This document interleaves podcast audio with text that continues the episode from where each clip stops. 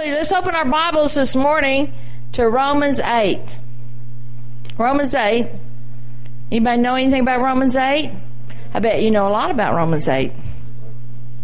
Romans 8 1 says, There's therefore now no condemnation to them that are in Christ Jesus. That's a great scripture. That's not where we're going, but it's a good scripture, isn't it? Romans 8, we're going to go down to verse 26. Start there.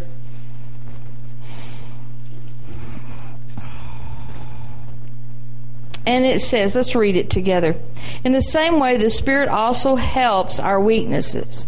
For we do not know how to pray as we should, but the Spirit Himself intercedes for us with groanings too deep for words. And He who searches the hearts knows what the mind of the Spirit is, because He intercedes for the saints according to the will of God. Now, the Bible says what this says is that the Spirit, the Holy Spirit, helps us.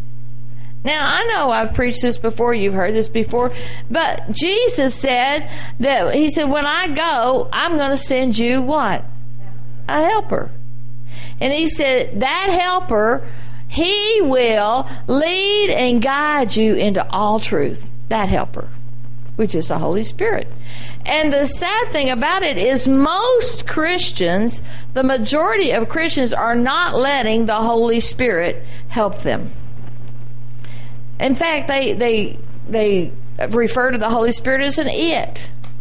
The Holy Spirit is not an it. The Holy Spirit is a personality. He that says He will come. The Holy Spirit has been sent to help you and I and He helps us in different ways. But we must allow the Holy Spirit to be the Holy Spirit. And, and not and not just not part of the you know the Godhead, but he has a place in our lives every day. Amen. If you're not connecting with the Holy Spirit, if you're not spending time with the Holy Spirit, then you are not getting all the fullness of the Godhead. Amen?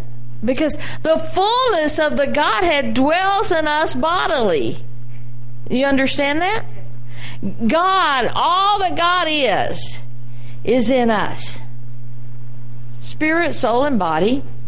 The Father, the Son, and the Holy Spirit are in us to help us, to change us, to to get us to where we need to go so that we walk in victory in every area of our lives.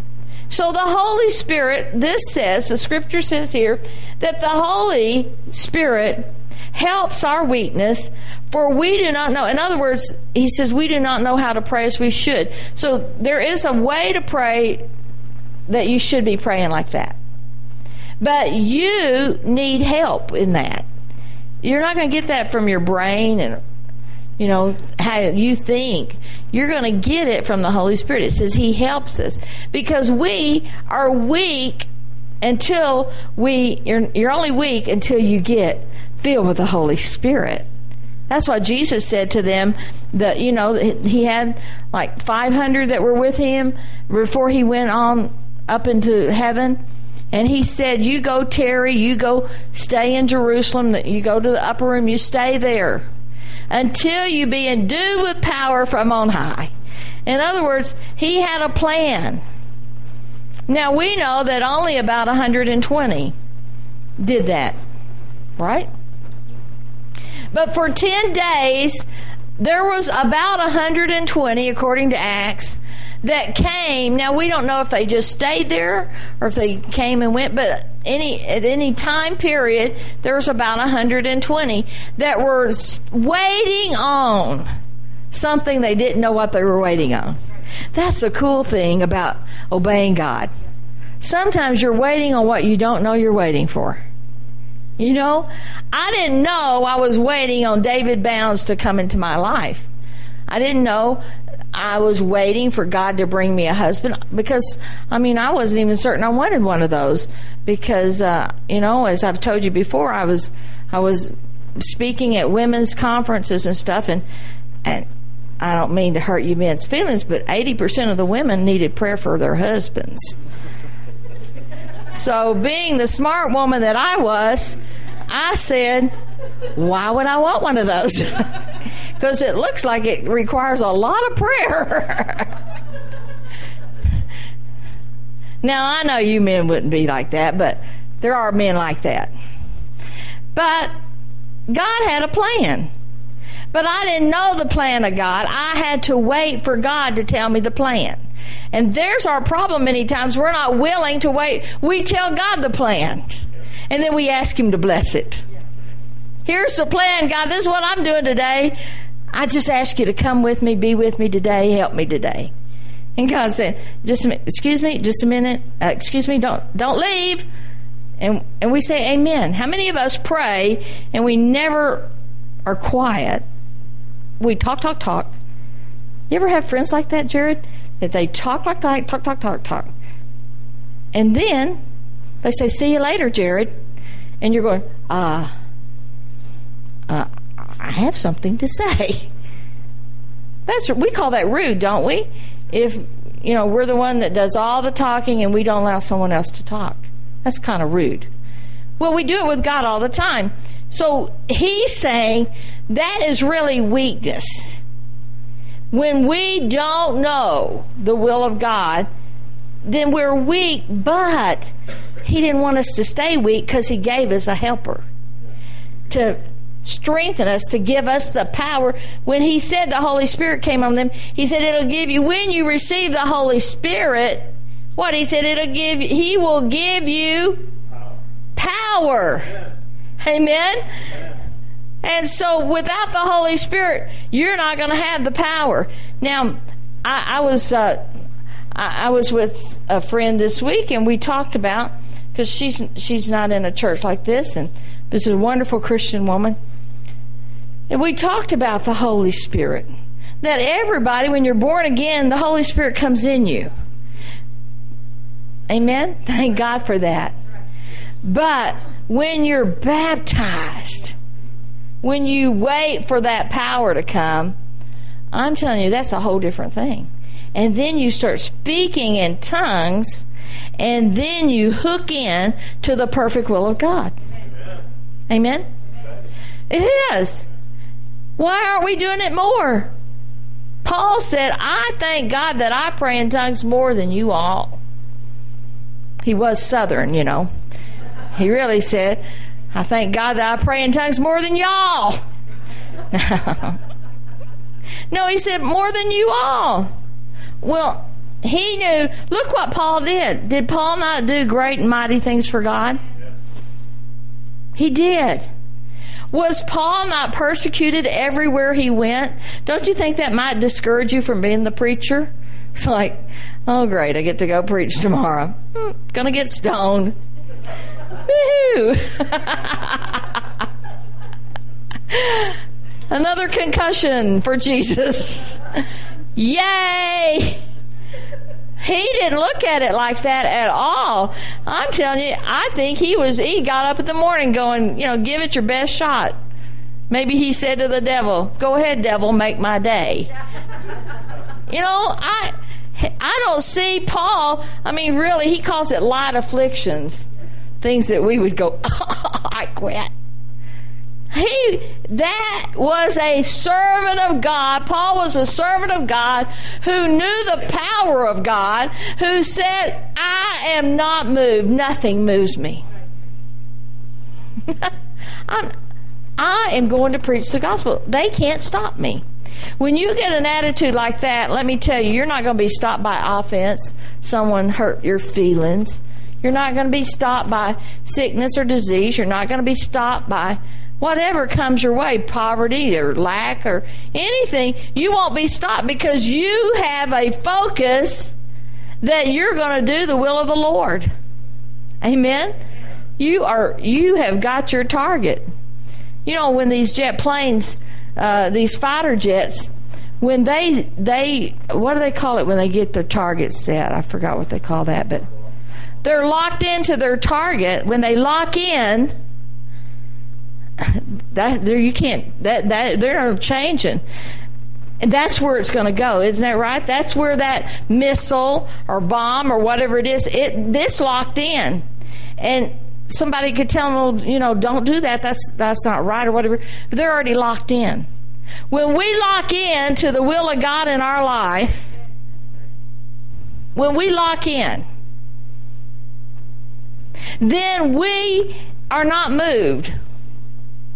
But with technology today and the way they do weapons, they have developed where you know if a if wind hits or whatever, uh, they there's it's all developed in the weaponry where it, it takes into account that that there's other things going on, and it's going to adjust it.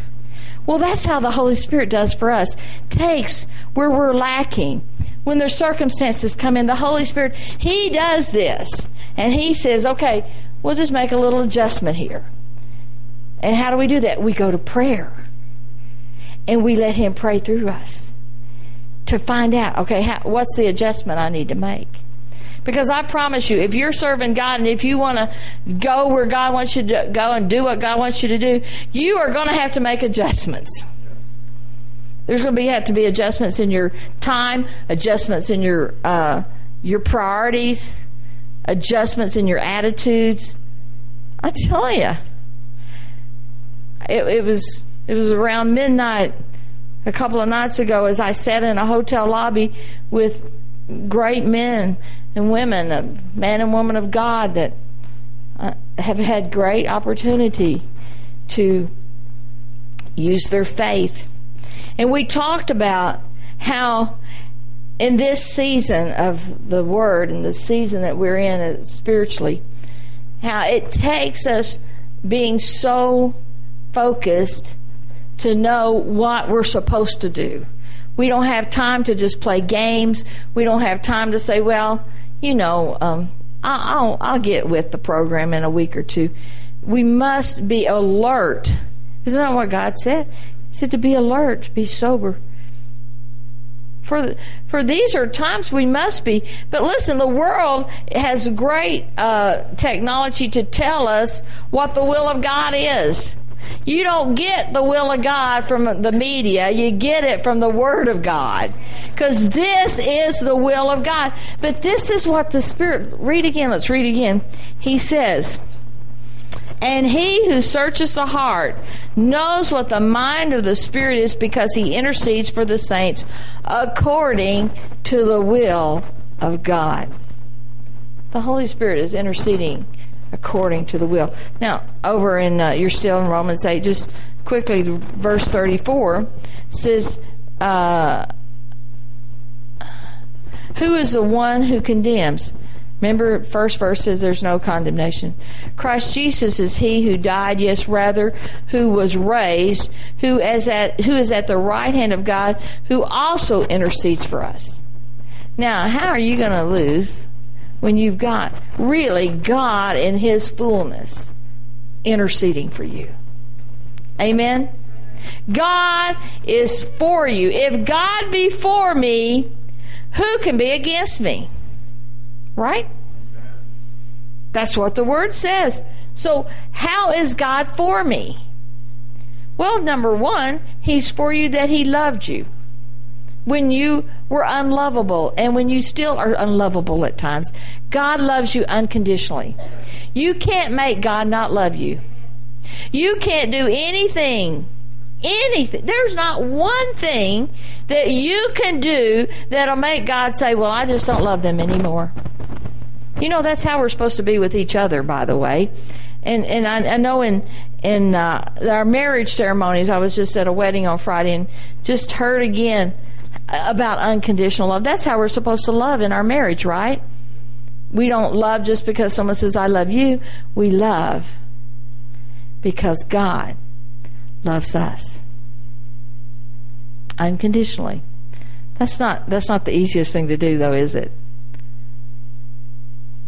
Man, you're quiet. Maybe it's me that's the only one that has that problem. Y'all need to pray for me then. It's not always easy to love someone unconditionally. No matter what they do to you, no matter if, if, every time they see you, they say something hurtful to you, that you can just say, I just love them. But it's possible. If it wasn't possible, God wouldn't have said to do it.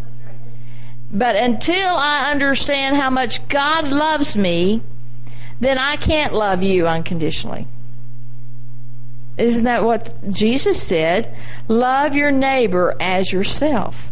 If you don't have a revelation that God loves you, you will never be able to love others because you'll always judge how they act towards you, how they, you know, really, you can't judge how if someone loves you or not of how they act towards you. I mean, because that's that's all flesh. The Bible says, "Know, no man after the flesh, but after the spirit." So I, you might act act one way, but I have to know your spirit.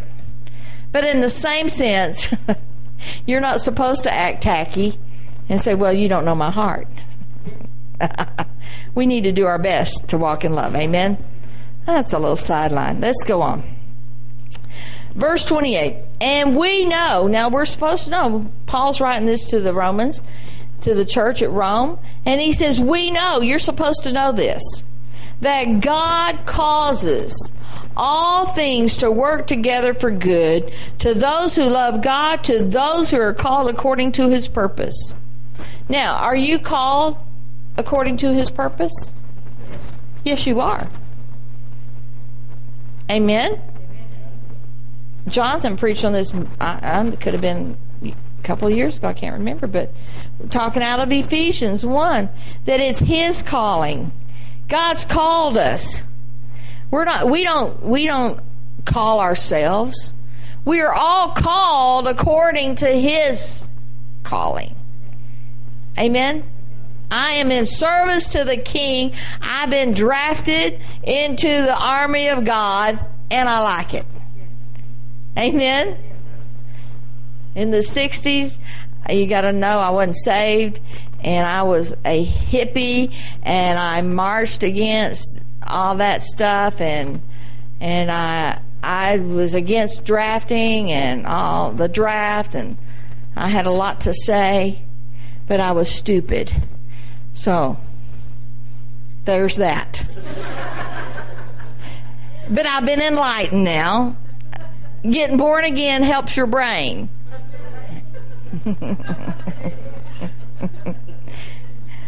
I would. I, I, I, think if I'd heard someone say I've been drafted into God's army, if I'd heard that in 1964, I would have went.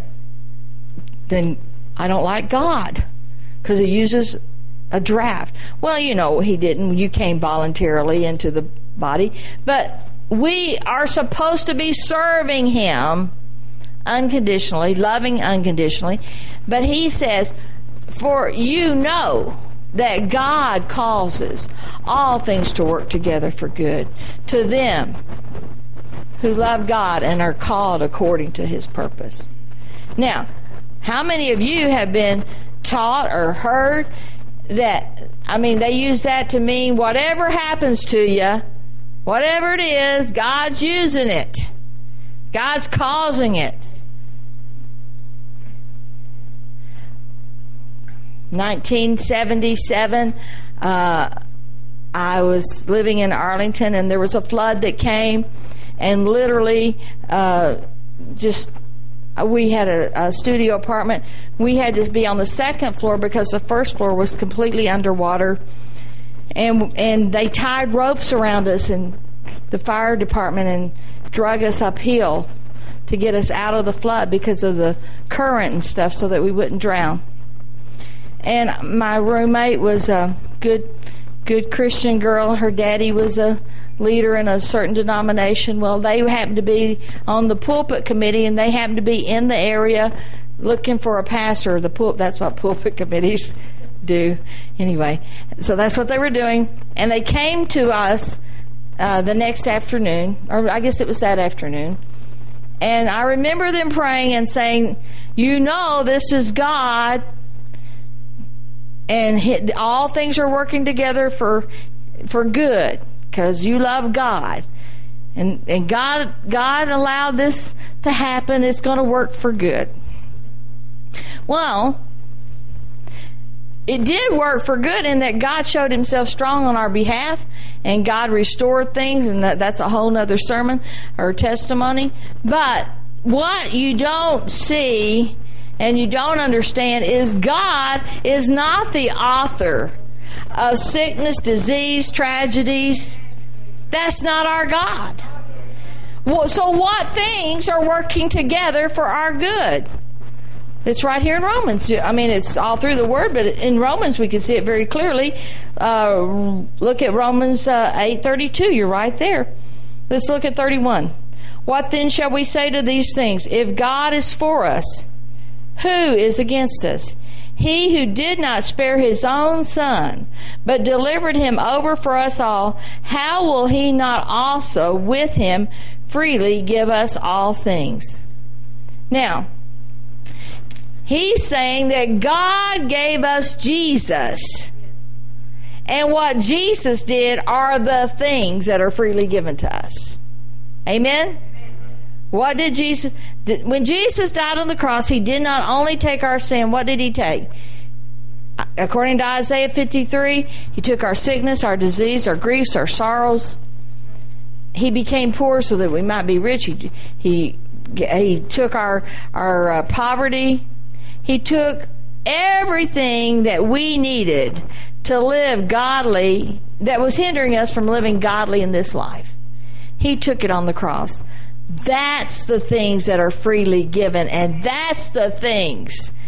And again, going back to verse 26, praying in the Holy Spirit, that's a thing that's working to our good, that God has given us to work for our good. Amen? So God causes all things, things that He gives, to work for our good. Amen? So that's why we should be living in victory because he's freely given according to 37, verse 37, or was it 37 or 32? He's freely given us all these things, hasn't he? Freely. So those things which God has given to us freely, we don't have to pay. You didn't you don't have to earn God's love. You don't have to earn God giving you healing. Well, you know what? If you had more faith, well, that's a that is just bringing condemnation on somebody. You you know what? You'd be healed if you had more faith. Well, you don't have a clue how much faith they got, and it's none of your business. And stop talking like that. But the point is, you don't earn your healing. You don't earn your salvation. You don't earn God being good to you. He's just good. Uh, this last few weeks, I've just been meditating that that that's His nature. God is good. That He doesn't just do good. He is good. That's who He is. And because that's who He is, yes, He will do good. Because He is good. So, how could he do something ungood, if there's such a word? He can't, because good cannot produce not good. Because every seed produces after its own kind, according to Genesis, right? So, good will produce good. So, God is good, and He's good to all. So, all things are working together for my good because He's good. And His goodness causes things to be good for me. Does that make sense? So that completely takes off the table when people are are misquoting the scripture, turning the scripture and saying, you know, well, God put that sickness on you, or God, God caused the earthquake, or God caused the tsunami, or all those things. That's working. Listen, things, the earth is, uh, there is a fault line in the earth. That's there's going to be earthquakes in that ring of fire. Do you know what I'm talking about? The Pacific Ring of Fire. If you, you can look it up. But there, there's a there's a ring. They call it the ring of fire. Where, I mean, there's going to be earthquakes. There's going to be volcanoes. It's how the earth is. But God's not punishing the Japanese. God didn't wake up on Saturday morning or Friday night and say, let's, you know, I just don't like how they make cars. no, I'm just kidding.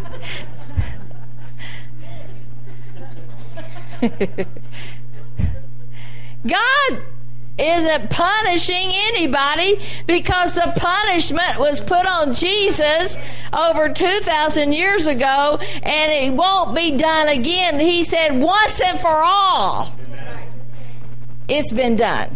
Once and for all. Jesus paid the price once and for all. So for me to go back and try to pay that price again, isn't that just uh, slapping Jesus and saying, You just weren't good enough, buddy. I need to pray more. I need. Hey, we all need to pray more. We all need to read our Bible more. Granted, but that's not the point. That we don't need to do that so we can get this. We need to do that so we know what we already have and can walk in it with faith. Is that right? So, all these things are working for good so when I hear someone say it, I can shout, Yes, amen. All things are working for my good. I'm telling you, the Holy Spirit's working for my good. Jesus is working for my good. God the Father's working for my good. Healing's working for my good. Prosperity's working for my good. All these things. Uh, praying in tongues is working for my good. All these things. Look, Ephesians talks about the armor of God. Those are things that are working for our good. Amen? Amen. We have help. And that help is working for our good. Amen. So, uh, let me read it to you. Uh, no, I don't think I will. Verse 32 says that he has freely given us all things. I want to read it to you in the New Living Translation. It says, Since he did not spare even his own son, but gave him up for us all, won't he also give us everything else? I like the way that says it. That if he didn't spare his son, he gave his very best. What is it for him to give you healing? What is it for him to give you uh, peace. What is it? That's nothing. Because he's already given his son. And the son said, when he was hanging on the cross, what did he say? He said, It is finished. It's a finished work. If it's finished, then I don't have to do it. It's finished. What I have to do is enter into it enter into the rest of the Lord, enter into the promises of God. How do I do that? By faith. Because without faith, it's impossible to please God, according to Hebrews 11. Right? Without faith, it's impossible to please God. But he who comes to God must believe what? That he is. He's God. And that he's a rewarder of those that diligently seek him a rewarder? Doesn't that sound like he's causing all things to work together for my good? That's what rewards are, right? Praise the Lord. So God is is causing things to work for our good. Now, we saw in verse 34 it says that Jesus and the Holy Spirit are both interceding for us. Right? So, what are they interceding? What are they talking about? We're talking about how the Holy Spirit prays through us, but he says we as that we pray as we should. So we should be praying in the Spirit. We should. That you know, I'm surprised at people who have been baptized in the Holy Spirit, who have spoken in tongues, and then they just do it like that one time and they don't think they need to do it anymore. I need to speak in tongues. You need to speak in tongues. Why? Because we're praying the perfect will of God out. We're, we're building ourselves up according to Jude in our most holy faith. There's, I mean, we're not going to preach on that, but there's a there's like a whole seminar to teach on why we should pray in tongues. Amen. But at the same sense, when we do, we should be expecting all things to be working together for our good. Amen? So, when we hear this talked about, many times it's talking about when people use it to use this scripture incorrectly, they're talking about, you know, things happening. Like I said, when someone comes and you've had a flood and house is destroyed, they tell you that that's God and that's working for your good. And when you, I've been in the hospital where the fine Christians would come and say, "Well, God's the one that broke your back so you could get some rest. All things are working for your good." Yeah, right. well, bless their darling hearts. That's what we can say. Because we were all ignorant too. We used to believe stupid things too. And we might still need to hear some stuff so we can be taught, right? We got things to learn. So, hey, let's don't be tough on them. They just haven't heard what you've heard. But we haven't we're not at perfection either. So god keep teaching us. We want to keep ourselves teachable. We want to keep ourselves hearing god because we can it's just as easily have some pet doctrines of our own by the way that god might want to just enlighten us to. So let's pray for them. But but what i wanted to get to is to show you that these things that are working for your good is to come and bring order, to bring peace when there's chaos. So, uh, verse 26 was talking about the Holy Spirit. And you go back in Genesis 1. Genesis 1 talks about when the earth was, was, was uh, the New American says formless and void. Let's just look at that so you can see it. You do know that there was a time when the earth was formless and void. Well, if you look up in the uh, you look that up in the original language, formless and void. This is what New American Standard says. Says verse one: In the beginning, God created the heavens and the earth. The earth was formless and void, and darkness was over the surface of the deep, and the Spirit of God was moving over the surface of the water. Then God said, Let there be light, and there was light. And God saw that the light was good. That word in New American Standard where it says formless and void, that's the same Hebrew word. Pronounced tohu, I think. Doesn't really matter, but if you want to take notes, you could. But it's the same word, and that means chaos. It's the same word, and, and it's used uh, I think like 28 times, but it's translated different times. New American Standard translates it 28 different ways, the same word. But it really means formless, void, or chaos. So there was chaos. But what happened? This is so cool.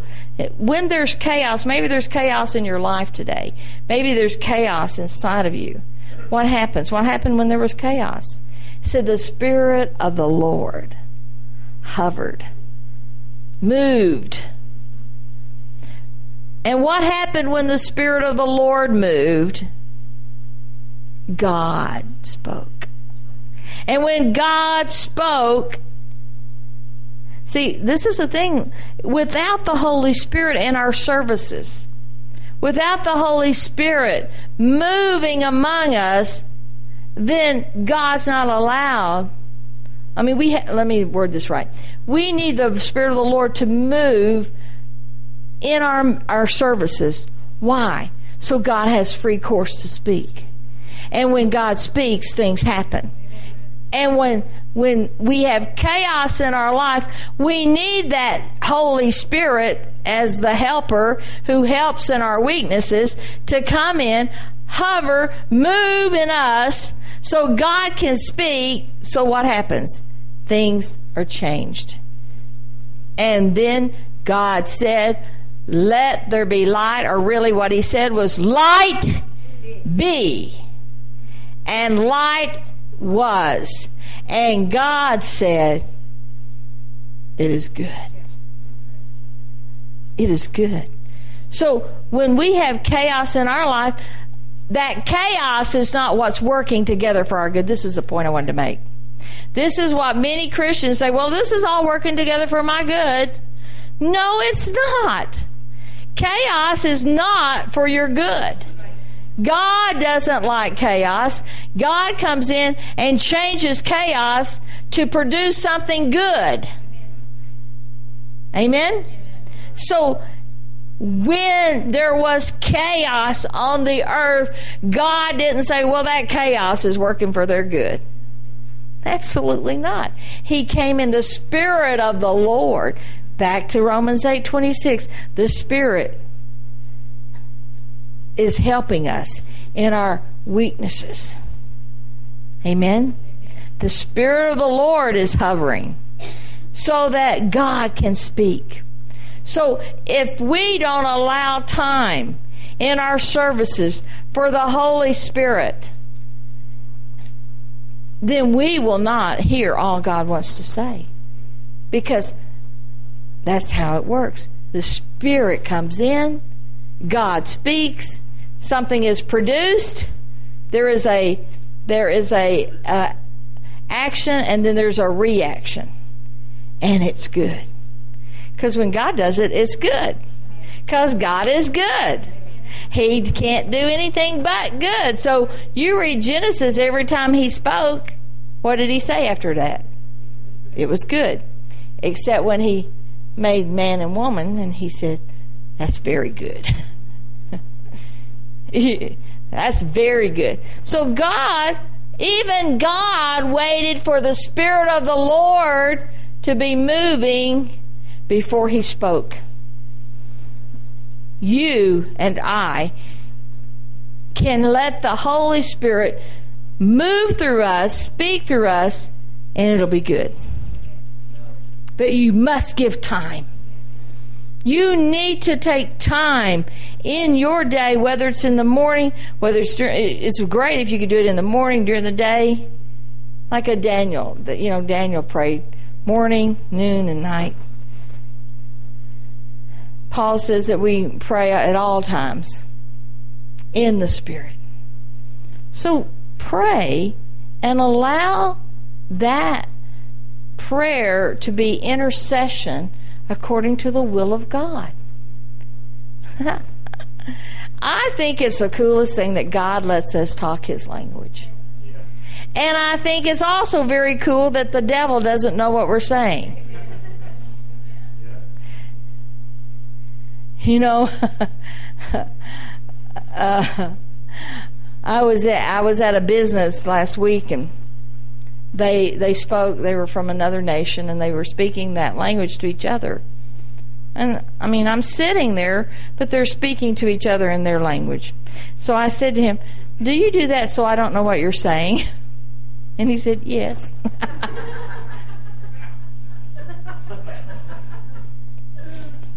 okay. I kind of thought they might be talking about me. and I wanted to know, you know, you know how you are. You're just like, what are you saying? Well, they weren't going to tell me. Well, don't you think, I, am just thinking in, in, the flesh how I just think that's kind of rude. Uh, David used to speak to me in Cree sometimes when we'd be in a, a store, or he'd speak to the kids in Cree. And um, I don't remember if it was Jonathan or Liberty, but one of them one time just said, turned around. they were little. He said something to them in Cree, which they knew what he was saying. And they turned and said, Speak English. they were embarrassed that he was speaking Cree out loud. But he was doing it so everybody else wouldn't know, you know, what he was saying to them. He was correcting them or telling them to come or whatever, but he didn't want the whole world to know.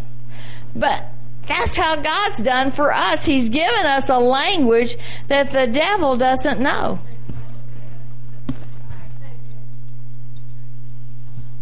Don't you think that makes him just so not happy? And any day I can make the devil not happy is a good day. because all things are working together for my good. And God is taking chaos and he and I'm allowing the spirit of the Lord to hover and to move in my life so that God can speak. And when God speaks, good comes. And God can say, That's very good. Because God is good. God is good. Praise the Lord. So, when God said in Genesis 1, when He said it was formless and void, it, really, He was saying it's empty. And that's how many Christians are going around without allowing the Holy Spirit to work in their lives and allow the Holy Spirit to, to be prayed out of them, then they are empty and in chaos. That's what that word means. It means empty, formless, void, a place of chaos. So today, if you're you're feeling like my life is chaotic, that's not how God created you to live. He created you to live with purpose, on purpose, for His purpose. So that when He looks at my life and your life, He can say, It is good. Are we good? By the blood of Jesus, we're good. Amen? Do we always do good? We should, and that should be our goal. But God sees us when we're allowing the Holy Spirit. Let me tell you, if you're allowing the Holy Spirit to work through you and to move through you, it will always be good. The outcome, the result will be good whether it's in your prayer time we're we're getting ready we're preparing our nation right now for an awakening there is there is awakenings already starting to happen it's not like it's not happening but a nationwide awakening and that takes prayer and we can't pray it out in our own language because there's some things of the spirit that we don't know do you know that? You do, you do know that we don't know everything. But the Holy Spirit helps us in our weaknesses. That's what it says. Praying the perfect will of God, interceding for us. Then it says that Jesus intercedes for us according to the will of God. So, you, the fullness of God is in there interceding on our behalf. What's interceding mean? You know the word intersection. There, there's coming to make a way. Praise and worship is a, a form of intercession. It's making a way for the word of God. That's why sometimes you you know you might hear a praise and worship team, and I mean they're all about listen to me how good I am. You know I'm so talented, and, you know, I've been in services where I've been preaching at places, and the guitar player, you know, just is over there in his own world. Like, just keeps on playing the guitar. I'm not talking about playing according to the Spirit. It's like, you know, not paying attention to the move or the flow, nothing. I've been in services in other in churches where there's the singers. It's all about you know they're very talented but no anointing or very little anointing. Where we're all capable of doing that because that's our natural instinct. But God wants us to step out of the natural into the supernatural, and then we can go to a place where we would never go without the Holy Spirit. There's a place to go that you cannot go without the Holy Spirit. Now, Again, let me say, when you're born again, the Holy Spirit comes to live in you. You have the Holy Spirit. But until you're baptized in the Holy Spirit, and until you have the language of God flowing through you, you won't be to the place where you need to be. You will be, it, it'll just be harder for you, if I could say it that way. But God doesn't want it to be hard. Hallelujah. Verse 37, Romans 8. So cool.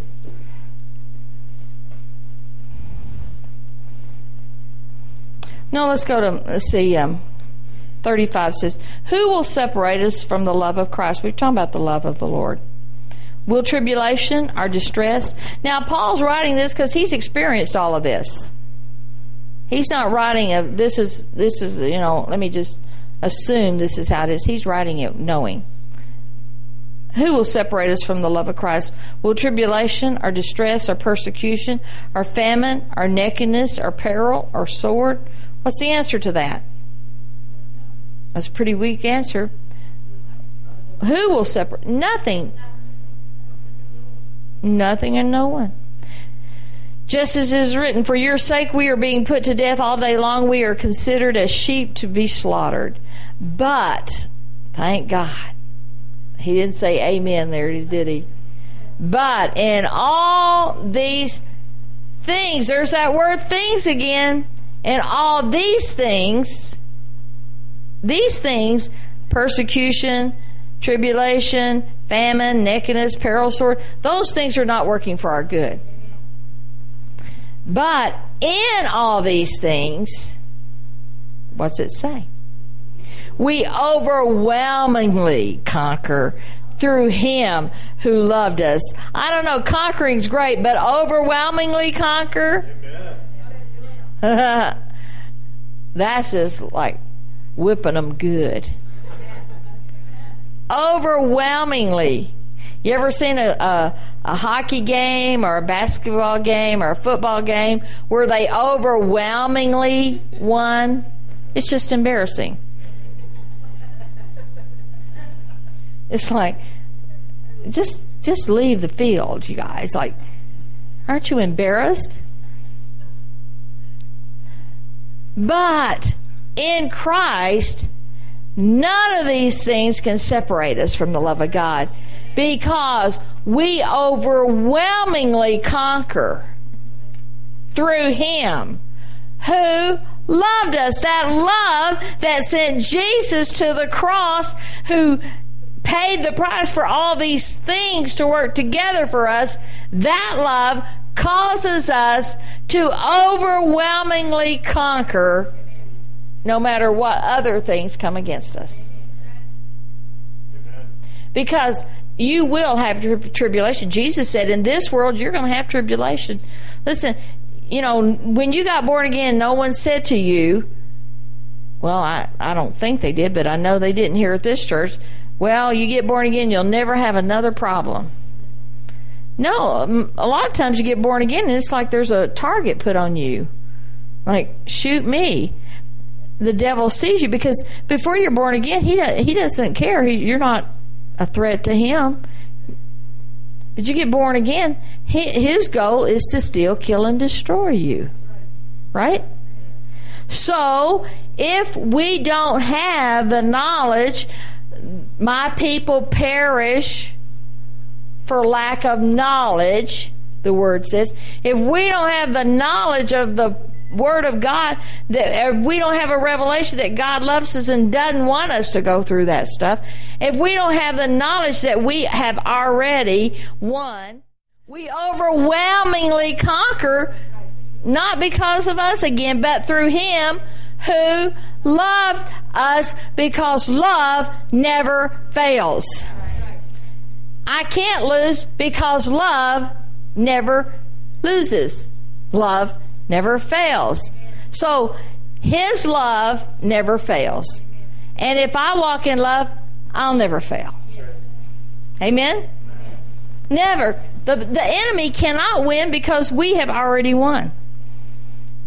For I am, this, I love this. For I am convinced, you need to be convinced of this, that neither death, nor life, nor angels, nor principalities, nor things present, nor things to come. There again, he's talking about things.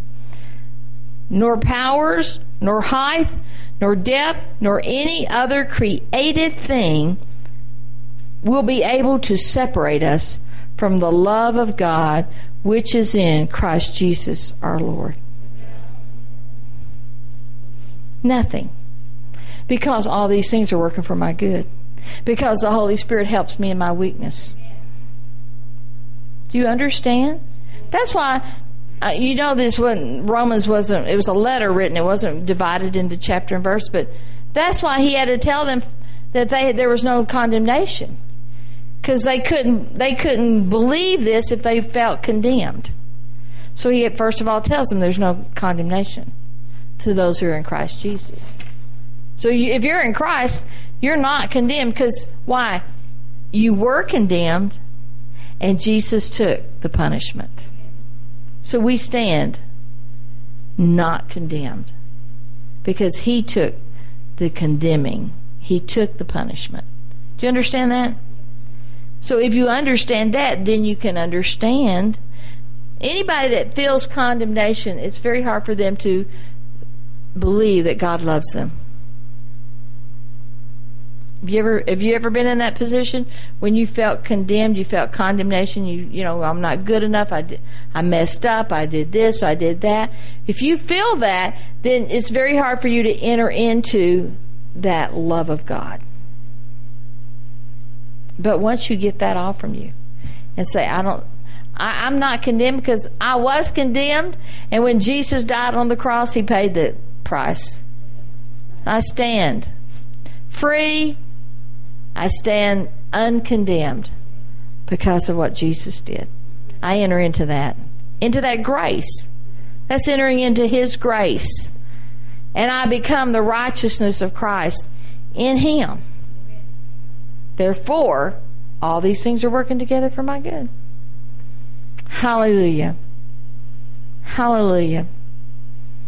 I want you to look at Psalm 46 as we close we have help. We have help.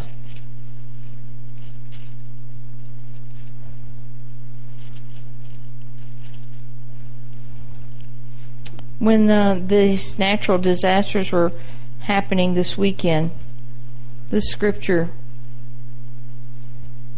It's not Psalm 46. Where is it? Just a minute. Have to find it. Psalm 49. No, I already read that to you, didn't I? Huh? Hold on just a minute. God is a very present help in time of trouble. Where did I? I must have read the wrong scripture. Oh, I'm in Isaiah. Well, that'll help you. Isaiah 46 doesn't say that. Praise the Lord. Psalm 46 says this God is our refuge and strength, a very present help in trouble. Therefore, we will not fear, though the earth should change. And though the mountains slip into the heart of the sea, though its waters roar and foam, though the mountains quake at the swelling pride. God is a very present help. All those things will happen. You see that word Selah? That means stop and think about that. Though the earth changed, they said in this earthquake that the earth changed on its axle again and that the landline of Japan moved. Well, the earth changed. But God is a very present help in time of trouble. So we might be living here in Lloydminster and we might think, well, there's no chance of tsunamis hitting us or But let me tell you there there's going to be things, trouble. There's going to be natural things. And if you don't know your God, and if you don't know that you are free from fear, that He's a very present help, then you will fear. And fear is the opposite of faith. So, praise the Lord, we cannot fear. I love what it says. But there is a river whose streams make glad the city of God, the holy dwelling places of the Most High. God is in the midst of her. She will not be moved.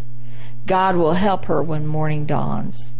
The nations made an uproar, the kingdoms tottered. Are we not seeing that today? He raised his voice and the earth melted. The Lord of hosts is with us.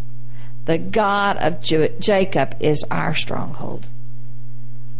Nothing shall move us because all things are working together for our good.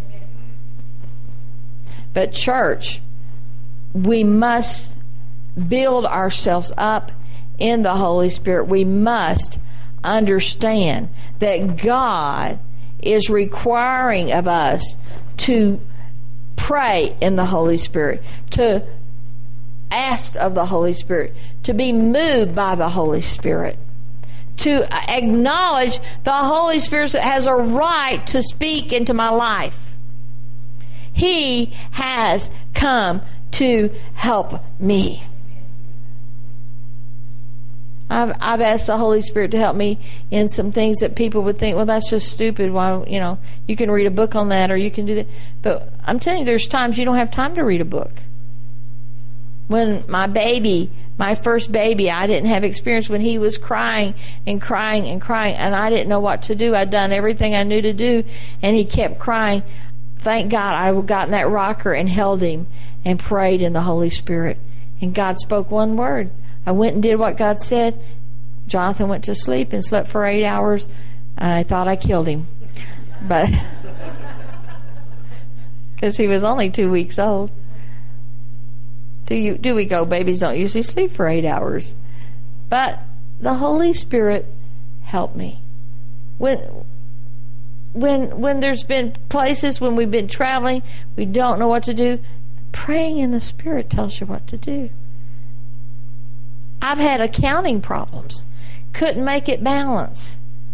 And I know that sounds it might sound petty, but it if it's causing me not to have a peaceful day, that I've left that office and come in here and walked through this building and prayed in the spirit and hear what to do and go back in there and do it. And God does it. The Holy Spirit has come to help us. And all these things are working together for our good because we love God and because God loves us and because God is taking us out of chaos into what is good.